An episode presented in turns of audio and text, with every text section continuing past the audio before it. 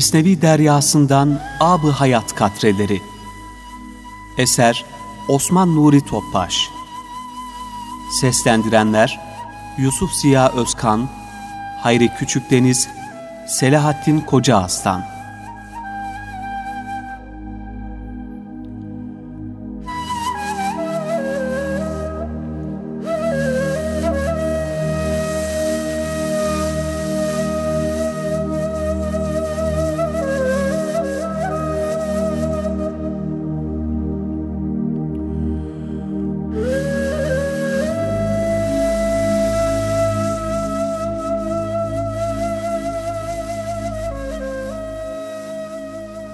Mesnevi'ye göre incitmemek ve incinmemek. Mesnevi Bu gönül evinin içinde kimin bulunduğunu biliyorsanız, bu gönül sahibinin kapısı önünde ettiğiniz terbiyesizlik nedendir? Ahmaklar, insan yapısı mescide saygı gösterirler de, gönül sahiplerine bilgane kalarak onların gönüllerini kırarlar. Gönül Cenab-ı Hakk'ın nazargahıdır. Nefsin en büyük cinayeti bir gönül kırmaktır. Bundan dolayı Mevlana Hazretleri başka bir beytinde Kabe bünyadı halili azer est dil nazargahı celili ekber est buyurmaktadır. Yani Kabe, Azer'in oğlu Halil İbrahim'in inşa ettiği bir yapıdır. Gönülse o yücelerin yücesi olan Cenab-ı Hakk'ın nazargahıdır. Binaenaleyh nazargahı ilahi olan gönlü yıkmak, Kabe'yi yıkmaktan daha büyük bir cürüm olarak görülmüştür.'' Yunus Emre Hazretleri de Aksakallı pir hoca bilemez halinice emek yimesün hacca bir gönül yıkar ise buyurarak aynı gerçeğe işaret etmişlerdir. İnsan eşrefi mahlukat yani yaratılmışların en mükemmelidir. Onun kalbi ise nazargah-ı ilahidir hadisi kutsi olarak nakledilen bir rivayette ben yere göğe sığmam, bir mümin kulumun kalbine sığarım buyurulmaktadır. Bütün bunlar insanın muhterem mevkiini ifade etmekte ve onun hatırını veya kalbini kırmanın ne derece ağır bir cürüm olduğunu ifade etmektedir. Kalbi kırık insanların Cenab-ı Hak nezdindeki itibar ve mevkileri yüksektir. Rızayı ilahiye kavuşmak isteyenler böyle mahzun gönülleri sevindirmelidirler.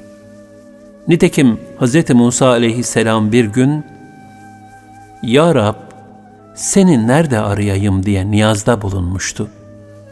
Allah Teala da, beni kalbi kırıkların yanında ara buyurdu. Ebu Hureyre'den nakledilen bir hadisi kutside de Peygamber Efendimiz şöyle buyurmaktadır. Kıyamet günü aziz ve celil olan Allah şöyle buyuracaktır. Ey Ademoğlu! Ben hasta oldum, beni ziyaret etmedin. Kul diyecek, Ey Rabbim! Sen Rabbül Alemin iken ben seni nasıl ziyaret ederim? Cenab-ı Hak buyuracak, bilmedin mi falan kulum hastalandı. Fakat sen onu ziyaret etmedin. Bilmiyor musun? Eğer onu ziyaret etseydin yanında beni bulacaktın. Allah Teala buyuracak, Ey Ademoğlu! Ben senden yiyecek istedim ama sen beni doyurmadın. Kul diyecek, Ey Rabbim! Ben seni nasıl doyururum? Sen ki alemlerin Rabbisin.'' Cenab-ı Hak buyuracak. Benim falan kulum senden yiyecek istedi. Sen onu doyurmadın. Bilmez misin ki eğer sen ona yiyecek verseydin, onu yanımda bulacaktın. Rabbimiz buyuracak. Ey Ademoğlu! Ben senden su istedim bana su vermedin. Kul, ey Rabbim, ben sana nasıl su içirebilirim? Sen ki alemlerin Rabbisin diyecek. Bunun üzerine Allah Teala, falan kulum senden su istedi, sen ona su vermedin. Bilmiyor musun, eğer ona su vermiş olsaydın, bunu benim yanımda bulacaktın buyurur. Zulme maruz kalmış, gönlü incinmiş her kulun duası, iman ve küfür ehli olduğuna bakılmaksızın Cenab-ı Hakk'a arz olunur. Ve en kısa zamanda kabul olunur. Zira mazlumun duası ile Cenab-ı Hak arasında perde yoktur. Peygamber Efendimiz sallallahu aleyhi ve sellem, ashab-ı kirama böyle makbul olan mazlumların duasından sakınmalarını şöyle öğütlemişlerdir. Mazlumun duasından sakınınız. Zira onun duasıyla Allah Teala arasında perde yoktur. Müslim İman 29 Üç kişi vardır ki Allah onların dualarını reddetmez. 1- İftar edinceye kadar oruçlunun duası. 2. Mazlumun duası. 3. Adaletli devlet reisinin duası. Cenab-ı Hakk'ın kullarının istihkar edilmesine razı olmadığını şu hadis-i şerif ne güzel ifade eder. Resulullah sallallahu aleyhi ve sellem buyurdular ki, bir adam vallahi Allah falancayı mağfiret etmeyecek diye kestirip attı.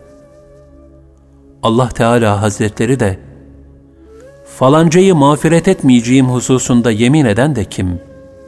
Ben onu mağfiret ettim. Senin amelini de iptal ettim buyurdu. Müslim 1 137 Mesnevi Bir hak dostunun yani bir peygamberin veya velinin gönlü incinmedikçe Allah hiçbir kavmi rezil ve rüsva etmemiştir. Bu beyit kavimlerin zillete sürüklenmelerinin belli başlı sebeplerinden birinin peygamber veya bir Allah dostunu incitmek olduğunu ifade etmektedir. Allah katında makbul olan bir kula ihtiram eden, onun değerini bilip takdir eden şahıs veya zümreler de aksine şeref ve itibarlarının artmasıyla mükafatlandırılırlar demektir. Kutsi bir hadisi şerifte şöyle buyurulmuştur. Her kim benim veli bir kuluma düşmanlık ederse, ben ona karşı harp ilan ederim. Kulum kendisine emrettiğim farzlardan daha sevimli herhangi bir şeyle bana yakınlık sağlayamaz. Kulum bana farzlara ilaveten işlediği nafile ibadetlerle de durmadan yaklaşır. Nihayet ben onu severim. Kulumu sevince de ben adeta onun işiten kulağı, gören gözü, tutan eli ve yürüyen ayağı olurum. Benden ne isterse mutlaka veririm.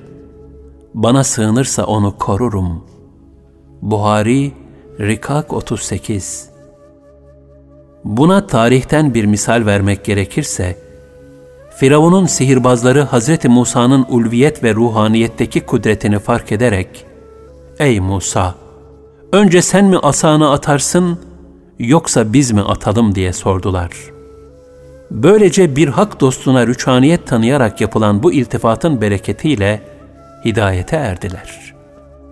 Buna rağmen bir peygamberle müsabakaya cüret etmenin bedeli olarak da cezaya çarptırıldılar.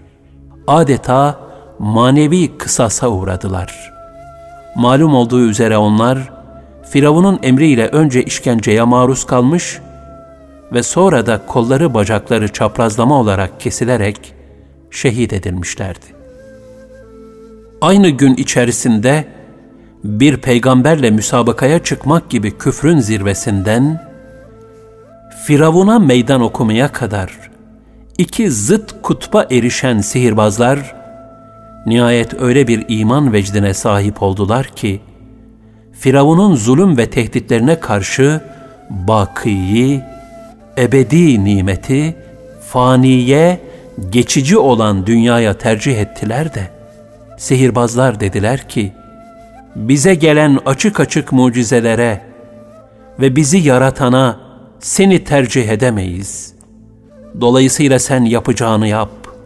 Sen ancak bu dünyada hükmünü geçirebilirsin. Taha 72 Diğer bir ayeti kerimede de zararı yok dediler. Nasıl olsa hiç şüphesiz ki biz Rabbimize döneceğiz. Eş-Şuara 50 Firavun ellerini ve ayaklarını kesmek suretiyle sihirbazları ağır bir işkenceye uğratırken, onlar imanlarının zaafa uğramasından endişe ederek, Cenab-ı Hak'tan canhıraş bir şekilde sabır ve imanda sebat niyaz ettiler. Rabbimiz, bize bol bol sabır ver, üzerimize sabır yağdır ve Müslüman olarak canımızı al. El-Araf 126 Buyurun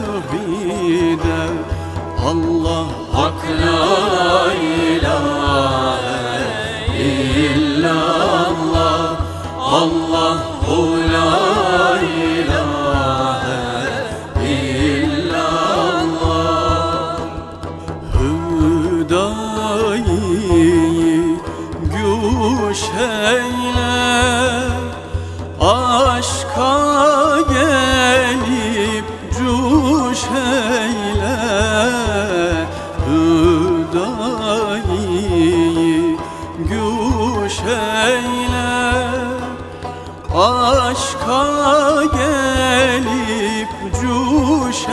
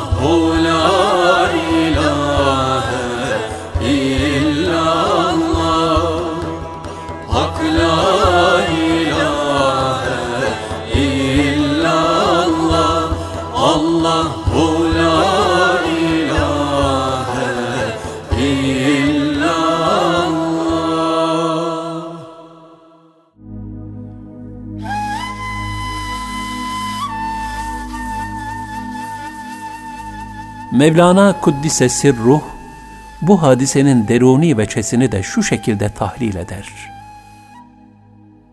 Mel'un ve zalim Firavun, sihirbazları imanlarından dolayı ölümle tehdit ederek, elinizi ve ayağınızı çaprazlama olarak kestireceğim. Sonra da sizi affetmeyip astıracağım demişti. Firavun o anda sihirbazların korkacaklarını, ürkeceklerini ve titreyerek kendisine boyun eğeceklerini sanmıştı. Ama Firavun bilmiyordu ki o sihirbazlar korku ve endişeden kurtulmuşlar, ilahi esrar ve hakikate vakıf olmuşlardı. Onlar felek havanında yüz kere dövülüp un haline gelseler dahi artık gölgelerini kendilerinden ayırt etme irfan ve basiretini göstermişlerdi. Yani ruhun asıl, cesedinse bir gölge olduğunu anlamışlar ve bir an önce bu gölgeyi feda edip fenafillah makamına ulaşmışlardı. Ey insan! Bu dünya bir uyku ve rüyadan ibarettir. Sen oradaki cümbüş ve debdebeye sakın aldanma. Şayet rüyada elin kesilse veya vücudun lime lime doğransa bile korkma. Zira Hz. Peygamber sallallahu aleyhi ve sellem bu dünya bir rüyadan ibarettir buyurmuştur. Mesnevi Bazıları peygamberlerle cenk etmeye kalkıştılar. Onların bedenlerini gördüler. Onları basit insan sandılar. Peygamberleri sadece hemcinsleri olan insanlardan bir fert olarak telakki edip, onlardaki ilahi tecelli, hikmet ve nasibi görmeyenler, nefislerini edepsizlik ve saygısızlığa sürüklenmekten kurtaramazlar. Bu tarihte de daima böyle olmuştur. Peygamberleri ilahi memuriyetleri ve bunun neticesi olan manevi dünyaları itibariyle kavrayamayanlar, itaat ve teslimiyet noktasına ulaşamayıp, küstahlıkları sebebiyle zelil olmuşlardır. Ebu Cehiller, Ebu Lehebler, Hazreti Peygamberi kendileri gibi etten bir kalıp zannettiler de, bu idrak noksanlığının kurbanı olarak helak edildiler. Peygamber Efendimiz sallallahu aleyhi ve sellemi yakından tanıyan sahabilerse, onu hayranlıkla seyrettiler. Bu halin zirvelerinden biri olan Hz. Ebu Bekir radıyallahu anh ise, onun sallallahu aleyhi ve sellemin yanındayken bile ona hasret içinde kalır ve o iki cihan güneşini hayranlıkla seyrederdi. Resulullah'ın baş müezzini, Peygamber mescidinin bülbülü, Hz. Bilal radıyallahu anh'ın hali ise çok daha başkaydı. Allah Resulü sallallahu aleyhi ve sellem dünyayı terk edince sanki dilini yuttu. Ağzını bıçaklar açmaz oldu. Koca Medine kendisine dar geldi. Halife Hazreti Ebu Bekir radıyallahu an Bilal'e ezan okuması için defalarca yalvardı. O peygamber aşığı dertli Bilal şu cevabı verdi. Ya Eba Bekir, benim arzumu sorarsan, Resulullah'tan sonra ezan okumaya takatim kalmadı. Beni zorlama. Ne olursun beni kendi halime bırak. Hz. Ebu Bekir radıyallahu anh ise, Resulullah hasretiyle Bilal'den o güzel demlerin ezanını ısrarla istiyor. Ümmet Resulullah'tan sonra bir de onun müezzininden de mi mahrum olsun diyordu. Israrlara dayanamayan Bilal, nihayet sabah ezanı için boynu bükük, gözü yaşlı, minareye çıktıysa da, boğazına tıkanan hıçkırıklardan, ezanı okuyamadan geri indi. Ebu Bekir radıyallahu an daha fazla ısrar etmedi. Bilal radıyallahu an Allah Resulü sallallahu aleyhi ve sellemin aziz hatıralarıyla dolu Medine'de daha fazla duramadı. O sabah namazından sonra derhal yola çıktı, Şam'a gitti. Bir an evvel Resulullah'a kavuşmak hasretiyle Serhat boylarında şehadet peşinde muharebelere iştirak ediyor. Ancak takdiri ilahi gereği her defasında gazi oluyordu. Bu minvalde seneler geçti. Bir gece rüyasında Hazreti Peygamber sallallahu aleyhi ve sellemi gördü. Resul-i Ekrem şöyle buyuruyordu. Ya Bilal, bu cefa nedir? Beni ziyaret edecek vakit hala gelmedi mi? Hazreti Bilal telaşla uyandı. Derhal devesini atlayıp engin çöllere daldı. Yalnız başına günlerce yol aldıktan sonra nihayet nurlu Medine'ye geldi. Hiç kimseye görünmeden derhal Resulullah'ın kabrine koştu. Mezarın üzerine kapandı. Yüzünü gözünü mezarın toprağına sürerek gözyaşları içinde Geldim ya Resulallah. Geldim işte dedi. Tam bu esnada Resul-i Ekrem sallallahu aleyhi ve sellemin torunları Hazreti Hasan ve Hazreti Hüseyin çıka geldi. Onları gören Bilal mezarın üzerinden kalkarak Ah Resulün nuru dideleri, göz nurları dedi ve hasretle onları kucakladı. Hazreti Hasan radıyallahu an Ya Bilal, senden bir şey rica etmek istiyorum yapar mısın dedi. Hazreti Bilal radıyallahu an söyle canımın cananı, söyle deyince Hasan radıyallahu an Resulullah'a Mescid-i Şerif'te okuduğun ezana hasretiz. Onu işitmek istiyoruz, okur musun dedi. Bilal radıyallahu anh de, sizin için okurum dedi. Öğle vakti Hazreti Bilal, Mescid-i Nebevi'de eskiden ezan okuduğu yere çıktı. Dertli ve yanık bağrından öyle bir Allahu Ekber, Allahu Ekber dedi ki, koca Medine, Allah Resulü'nün tedaisinden zangır zangır titredi. Dağlar taşlar bu yanık sada ile inledi. Eşhedü en la ilahe illallah'a gelince Medine çalkalandı. Eşhedü enne Muhammeden Resulullah ta ise artık bütün halk sokaklara dökülmüştü. Ne oldu? Resulullah dünyayı yeniden mi teşrif etti diye birbirine soranlar, ağlayanlar, hıçkıranlar. Hazreti Bilal ise boğazına saplanan hıçkırıkları zapt etmeye ve ezanı Muhammedi'yi tamamlamaya çalışıyordu. Fakat ne mümkün? Neredeyse hıçkırıktan boğulacak. Kendisini tutamadı, bitkin ve gözü yaşlı bir halde olduğu yere bir külçe gibi yığıldı kaldı.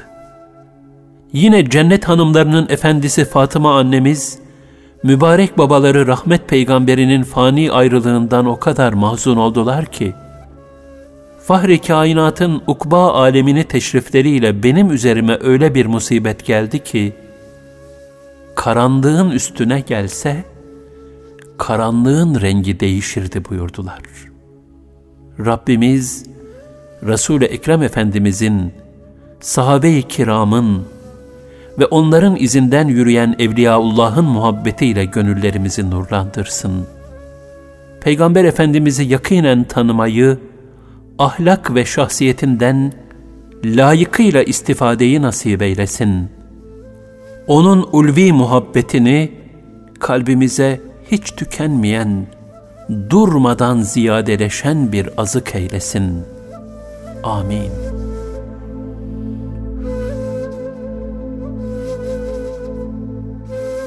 Mesnevi deryasından Ab-ı Hayat katreleri devam edecek.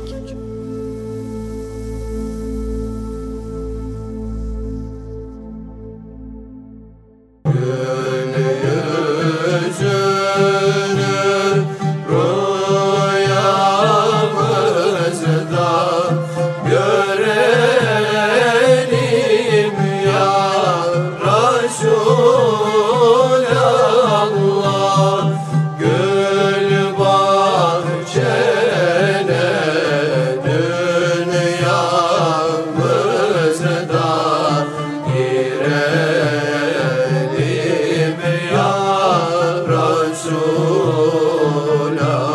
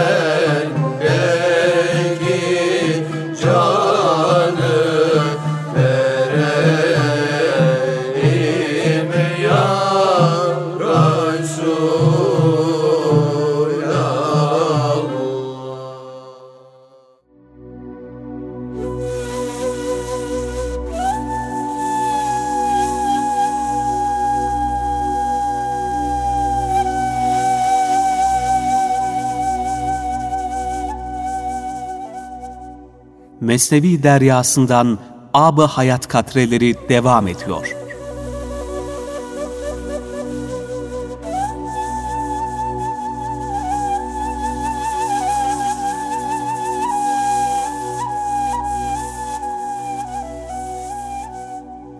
Mesnevi Sen hiddete kapılıp gönüller kırmış, onlara ateş düşürmüş isen o ateş senin için cehennem ateşinin mayası olur. Senin öfke ateşin bu dünyada bile seni yakar. Yani zillete düşürür. Ondan doğan cehennem ateşi ise bu zilletin neticesi olarak seni ahirette de ebedi olarak yakar. Senin hiddet ateşin burada insanlara kasteder.'' Bu kastının eseri olarak doğan cehennem ateşi ise sana ahirette ve ebedi olarak saldıracaktır. Kamil insan o kadar mükemmel bir ahlak ve tabiata sahip olmuştur ki, Allah için müstesna hiç kimseye kızmaz, hiç kimseden kırılmaz. O, o takva sahipleri ki, bollukta da darlıkta da Allah için infak ederler. Öfkelerini yutarlar ve insanları affederler. Allah da bütün hal ve ibadetlerinde bu şekilde ihsan sahibi olanlara muhabbet eyler. Ali İmran 134 Sırrına ermiştir. Rivayete göre Cafer-i Sadık Hazretlerinin bir kölesi vardı. Kendisinin yakın hizmetlerini görürdü bir gün köle getirmiş olduğu içi çorba dolu bir kaseyi kazara Cafer Hazretlerinin üzerine döktü. Üstü başı çorbaya bulanan Cafer Hazretleri de öfkeyle kölenin yüzüne baktı. Bunun üzerine köle, efendim Kur'an'da öfkelerini yenenler takdir buyuruluyor dedi. O zaman Cafer-i Sadık Hazretleri, öfkemi yendim dedi. Bu sefer köle, Kur'an'da aynı yerde insanların kusurlarını bağışlayanlar da takdir buyuruluyor dedi. Cafer Hazretleri, hadi bağışladım seni dedi. Bu defa da köle, ayetin sonunda Allah ihsanda bulunan, iyilik eden kimseleri sever buyuruluyor dedi. Bunun üzerine Cafer-i Sadık Hazretleri, hadi git, hürsün artık, seni Allah için azat ettim dedi. Hayat kitabının öfke faslı bir facia tarihidir. Bu vahim tehlikeden kurtuluş çaresi, bu hoşa gitmeyen feveran karşısında kardeşlik ve sabır gücünü kullanmak, muvazeneyi bozmadan sükunete bürünmektir. Ebu Derda radıyallahu an Peygamber sallallahu aleyhi ve sellem Efendimiz'e bana cennete götürecek bir şey öğret deyince Fahri Kainat Efendimiz öfkelenme buyurdu. Yine aynı şekilde bir kişi Peygamber Efendimiz'e Ya Resulallah çok şey belleyecek gücüm yok. Bana saadetime mucip olacak kısa bir şey buyur deyince ona da öfkelenme buyurdu. Diğer hadis-i şeriflerde de Allah Teala öfkesini tutanın ayıbını örter. Allah indinde rızaya nailiyet için bir kulun öfke yudumunu yutmasından daha sevaplı bir yudum olmaz. Güçlü ve kuvvetli pehlivan, herkesi sallayıp yere yatıran değildir. Asıl kahraman kişi öfke zamanında kendini tutandır buyurulmaktadır. Mesnevi Yeryüzünde bir zayıf, bir zavallı eman diyecek, haktan yardım isteyecek olursa, gökyüzü ordusuna, meleklere bir gürültü düşer. Ey insan! Başkalarından gördüğün zulümler, kötülükler, senin kendi kötü huyunun onlardan aksetmesidir, görünmesidir. Hadis-i şerifte mazlumun ahından korkulması tavsiye edilmiş, mazlumun bedduasının bağırgah-ı uluhiyete vasıl olmasına hiçbir şeyin engel teşkil edemeyeceği bildirilmiştir. Bu sebeple zulümden iştinab etmek lazım gelir. Buna rağmen mazlum da maruz kaldığı zulüm ve kötülüklerin kendi kötü huyunun bir başkasında akis ve tecellisiyle karşılaştığını düşünmelidir.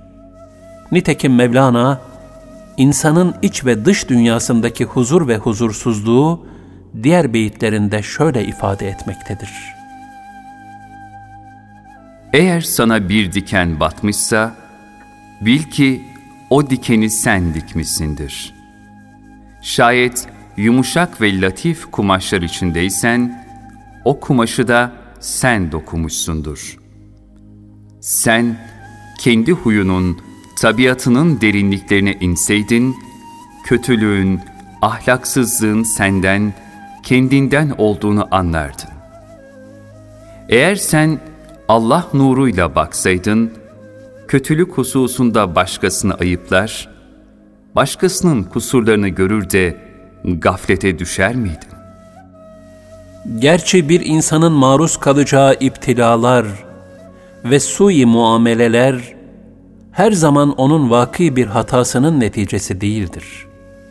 Öyle olsaydı, masumiyet sıfatı olan enbiya hiçbir kötü muameleye maruz kalmazdı. Bu iptilalar kimi zaman imtihan alemi olan dünya hayatının iktizası, kimi zaman da kişinin manevi tekamülüne yardımcı olmak gayesine matuftur.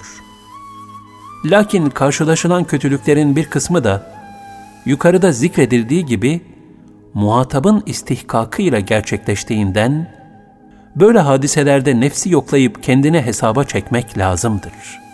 Bu sebeple konuşmadan evvel ağzımızdan çıkacak lafızlara dikkat etmelidir. Zira maksat kalplere hançeremizden dökülen dikenler saplamak değil, kalpleri kalbimizin içinde saklamak olmalıdır. Davranışlarımız da sözlerimizi tekit etmeli ve her halimizden çevremize güzellikler yansımalıdır.''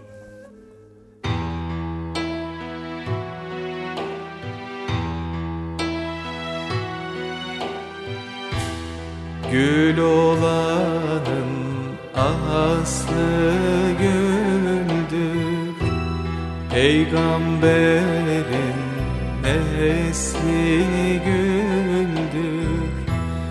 Girdim Şah'ın bahçesine Postu destarı güldür Girdim Şah'ın bahçesine Postu destarı güldü Asmasında gül dalları Kovanında gül balları. Ah gül halleri Selvi çınarı güldür Ağacında gül halleri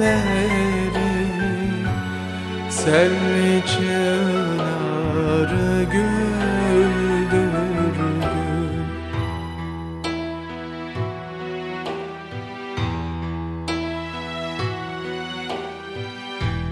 Açıl gel ey gonca gülüm Ağlatma şeyda bülbülüm Şu inleyen garip dilim Ahu efganı güldür gül Şu inleyen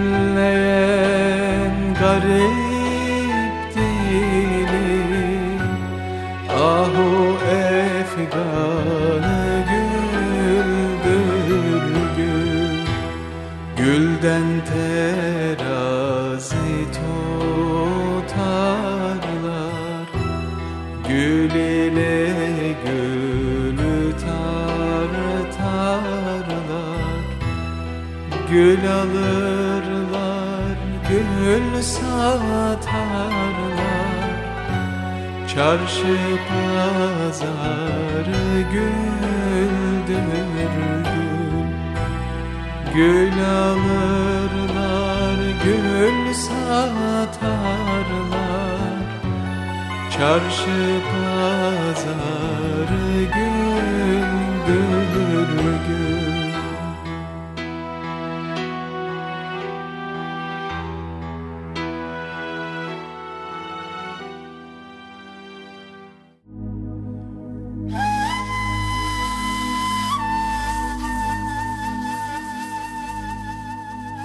Mesnevi İnsanı inciten kişinin Allah'ı incittiğinden haberi yoktur.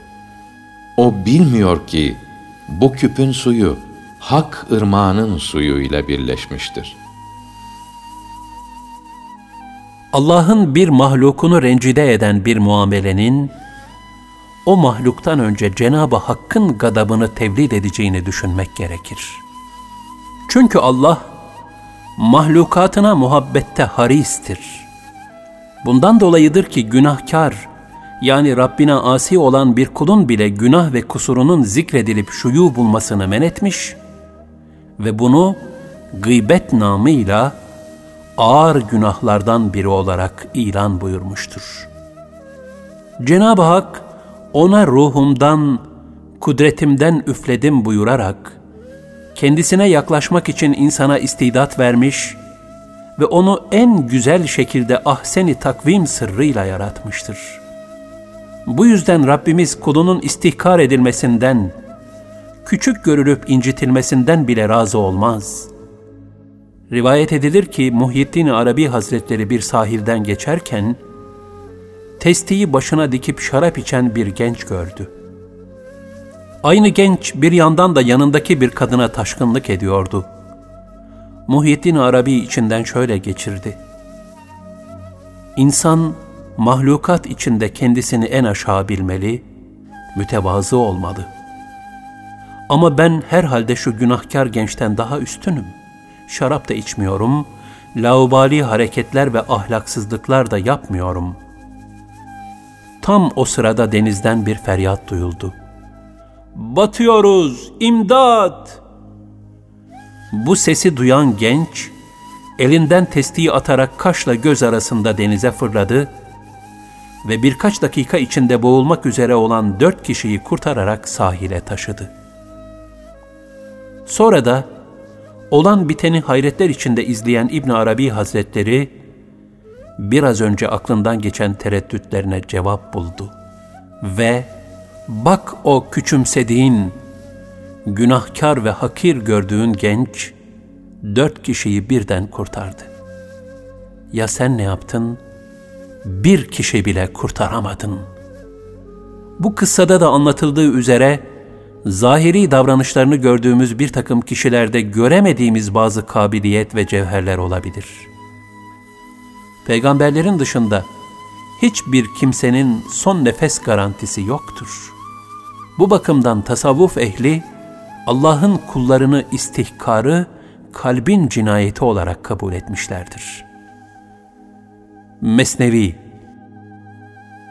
Her zahmete, kızmada, öfkelenmede, her terbiyesize kin gütmedesin. Peki ama cilalanmadan nasıl aynı olacaksın? İnsanı olgunlaştıran meşakkatler ve mahrumiyetlerdir. Her külfetten kaçınmak tembellik, bencillik ve iradesizliktir. Doğru olan, katlanılan külfetle elde edilecek netice arasında bir muvazenenin mevcut olup olmadığına dikkat etmektir.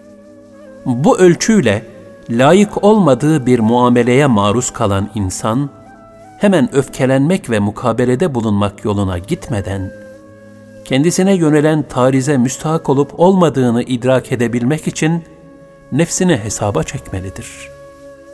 Eğer maruz kaldığı kötü muamele, ona müstahak olmadığı halde vaki oluyorsa, bu yolda sabretmek, olgunlukta bir basamaksa, şükredip bu haksız muamelenin failine acımak son merhaledir. Bu ise kolay olmadığından, böylesi pehlivanlar nadirdir. Zayıfa, fakire, sefile, yalnıza acımak ve onlara yaklaşmak, merhamet müktezasıdır. Lakin zulüm pençesi altında mazlumları inim inim inleten zalimin vicdanına, geniş imkanlarını fani ve taşkın zevk saltanatına esir eden sefil ruhlara, hakkın ve hukukun yok olduğu bir düzende, merhamet fukarası hodgamların rezil ruhuna daha çok acımalıdır. Zira onlar, akıbette yani ebedi ahiret aleminde en büyük kaybedenler olacaktır.'' Yasin-i Şerif'in ikinci sayfasının sonunda 13-27. ayeti kerimelerde belirtilen Habibi Neccar hadisesi bu halin kahramanlığını ifade eden ne güzel bir misaldir. Habibi Neccar halkına hakkı tavsiye etmesinden dolayı taşlanarak şehit edildi. Kur'ani ifade ile hayata veda ederken ilahi perdeler açıldı. Ah keşke kavmim Rabbimin beni bağışlayıp ikramlara gark ettiğini bilseydi dedi. Yasin 26-27 Hak dostluğunun bir nişanesi olarak kendini şehit eden kavminin gafletine ve zavallılığına acıdı. Mesnevi Önemli olan gül tabiatlı olabilmektir.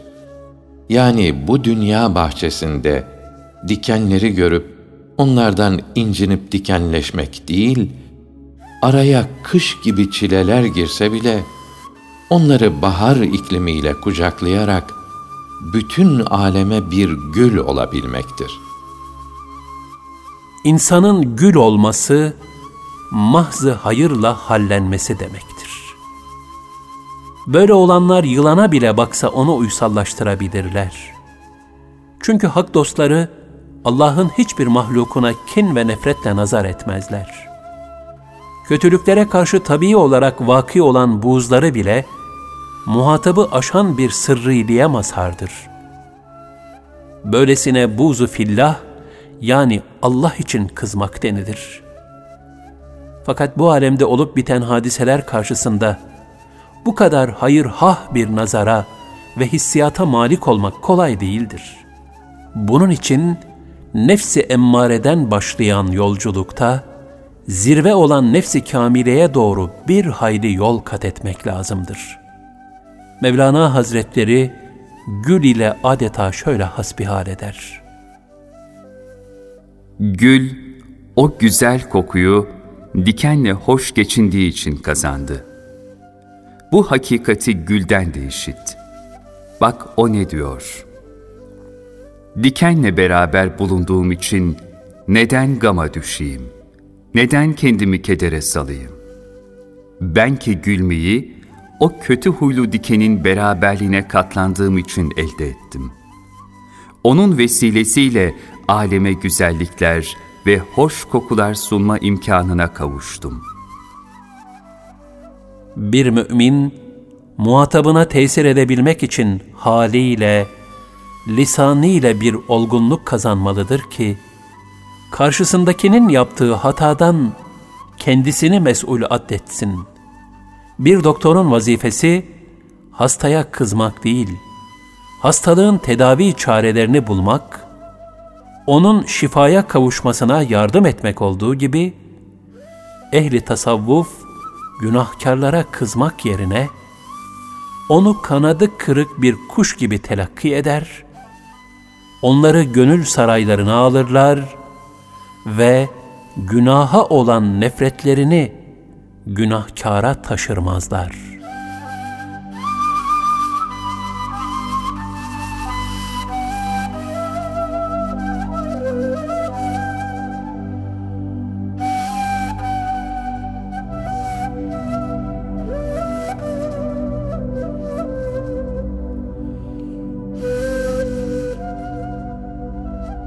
Mesnevi Deryası'ndan Ab-ı Hayat katrelerini dinlediniz.